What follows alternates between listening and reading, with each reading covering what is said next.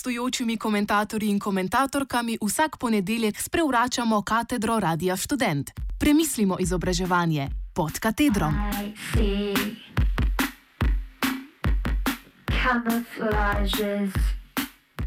Znanost v primežu založb mednarodne znanstvene literature. Accept.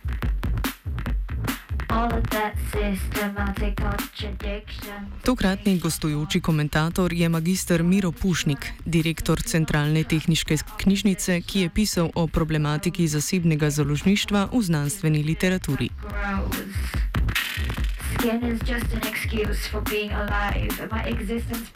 Leta 1995 so ob razcvetu servisov interneta, še posebej storitev svetovnega spleta, velikim znanstvenim založnikom napovedovali konec njihove dejavnosti. Ameriška revija z področja poslovanja in ekonomije Forbes je razglasila, da bo založba Elsevier, ki ima na trgu mednarodne znanstvene literature največji delež, prva žrtev interneta. Izhajali so iz domneve, da bo svetovni splet povezal raziskovalce, ki si bodo znanstvena dognanja poslej delili brezplačno. Predvidevali so tudi, da znanstvenih revij v tradicionalni obliki sploh ne bo več.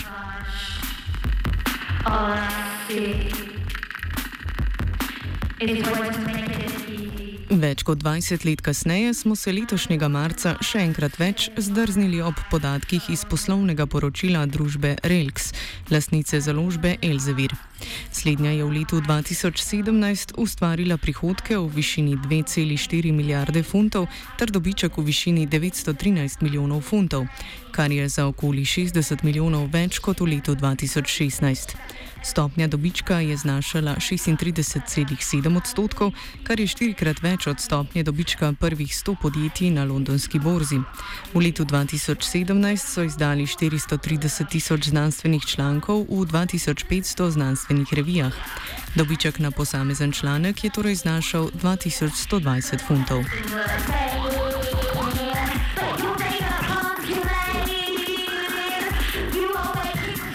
Velike stopnje dobička imajo tudi druge založbe mednarodne znanstvene literature. Založbi Springer Nature in Taylor and Francis naj bi leta 2012 imeli stopnjo dobička 35 odstotkov, založba Wiley Sons pa 29 odstotkov.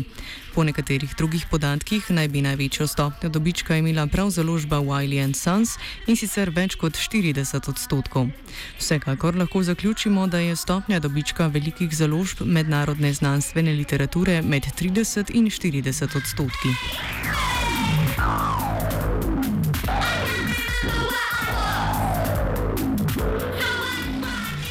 Vprašanje je, zakaj so dobički velikih založb mednarodne znanstvene literature tako veliki. Ne vkljub dejstvu, da je objavljanje znanstvenih revij v spletnem okolju do dobra zmanjšalo stroške izdajanja, pa to zmanjšanje ne bi smelo tako pomembno vplivati na poslovne rezultate založnikov. Prav tako ne moremo sklepati, da bi bile tako velike stopnje dobička lahko posledice naročnin, ki jih založbam plačujejo univerze in raziskovalni inštituti, čeprav so te definitivno zasoljene. Odgovor na to vprašanje se skriva v obstoječih rigidnih modelih vrednotenja znanstvenega dela ter posledično komunikacije med znanstveniki, kar založbe s svojimi poslovnimi modeli zvito izkoriščajo. S prevladovanjem bibliometričnih kazalnikov, ki izpostavljajo število objav, citatov ter prestižnost znanstvenih revij, se vzpostavlja odvisnost raziskovalne skupnosti od objav v teh revijah.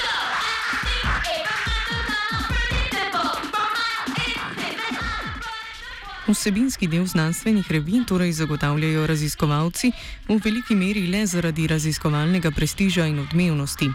Velika večina raziskovalcev je zaposlena v raziskovalnih organizacijah, ki jih financirajo praviloma javni proračuni. Raziskovalna dognanja so torej rezultat javnega financiranja. Ko želijo raziskovalci o teh dognanjih obvestiti zainteresirano javnost, morajo napisati znanstveno delo ter ga objaviti.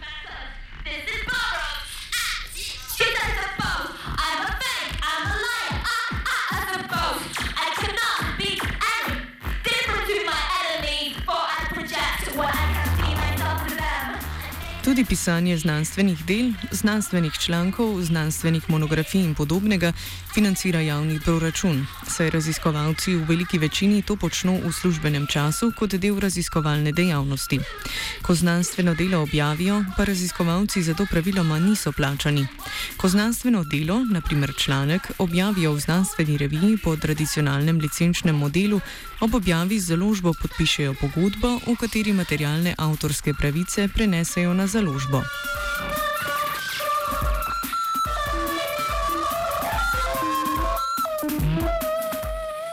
Tudi recenzentsko delo raziskovalci praviloma opravljajo brezplačno in v službenem času, prav tako tudi uredniško delo v znanstvenih revijah.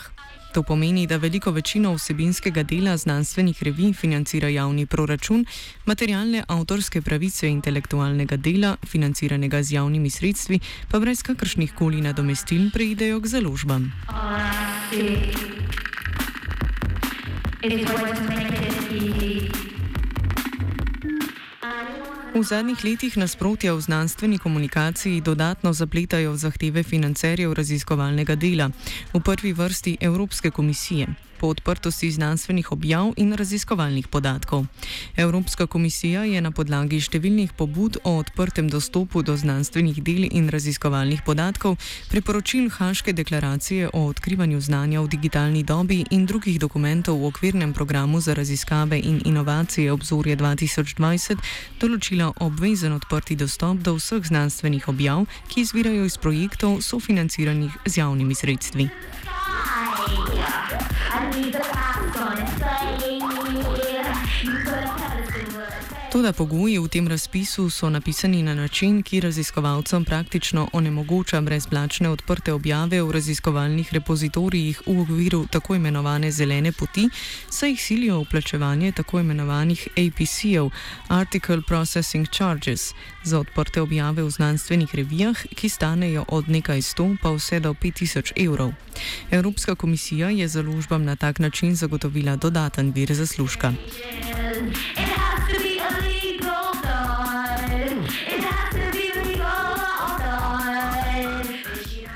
Nespametnimi politikami se je odprta znanost znašla v nasprotju s samo seboj. Kljub drugačnim pričakovanjem in temeljnim ciljem in namreč grozi nevarnost, da bi komercializacija odprte znanosti v okviru veljavnih modelov znanstvenega objavljanja težave v znanstveni komunikaciji še poglobila. Splošno dostopnost znanstvenih dognanj pa bodo plačali raziskovalci.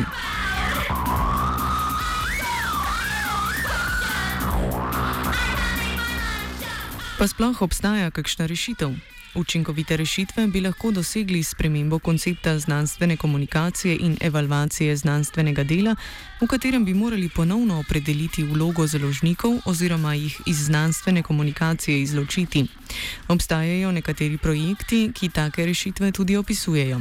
Tak primer je deklaracija Dora. Deklaracijo, ki je nastala pred petimi leti v San Franciscu, je sestavila skupina strokovnjakov na srečanju Ameriškega združenja za biologijo celice, poudarja pa nujno potrebo po drugačnem načinu vrednotenja znanstvenega dela ter raziskovalce, financerje, ustanove in založnike poziva, naj se pri ocenjevanju raziskovalnih del odpovedo uporabi različnih dejavnikov vpliva znanstvenih revij.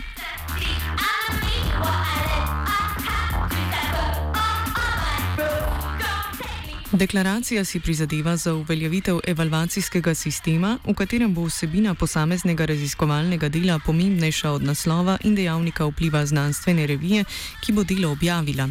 Podobnih pozivov za izboljšanje na tem področju je bilo že veliko. Med pomembnejšimi naj omenimo le The Leiden Manifesto for Research Metrics in The Metric Tide, objav, oba objavljena leta 2015.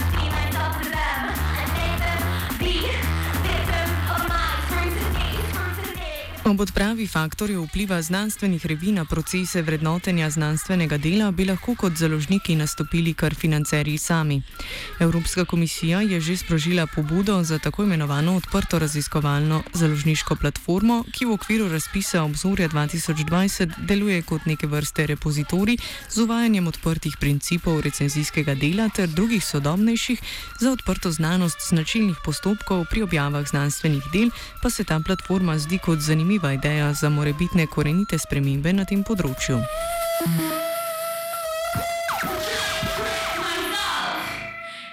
Prehod v odprto znanost bo možen šele takrat, ko raziskovalna skupnost vzame škarje in platno tega procesa v svoje roke.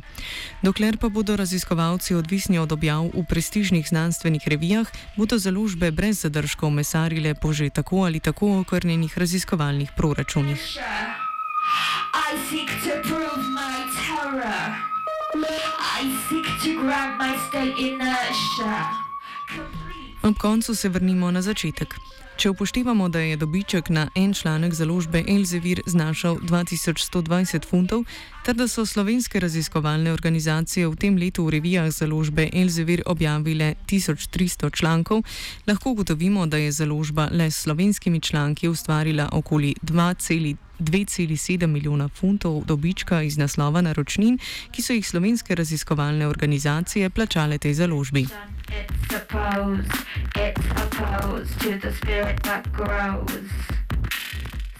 Problem ni le slovenski, problem je globalen. Vprašanje, ki me muči, je, zakaj Evropska komisija ne poseže odločneje v to izčrpavanje javnih proračunov namenjenih raziskovalni dejavnosti. Kaj ti bolj kot vse zgoraj navedene rešitve bi verjetno zalegla elegantna direktiva Evropske komisije, ki bi prepovedala to vrstne monopolne in izkoriščevalske prakse v državah Evropske unije. A dosedanja izkušnja nam govori, da se Evropska komisija s temi družbami, ki obračajo milijardne zneske javnih raziskovalnih proračunov, ne ukvarja s preveliko vnemo. Le zakaj ne?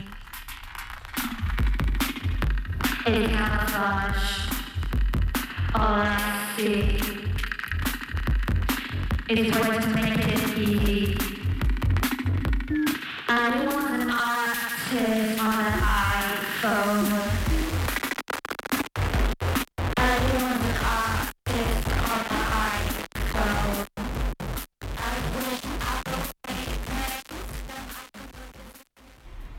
Danes je za Radio Student pisal magistr Miro Pušnik, direktor Centralne tehniške knjižnice.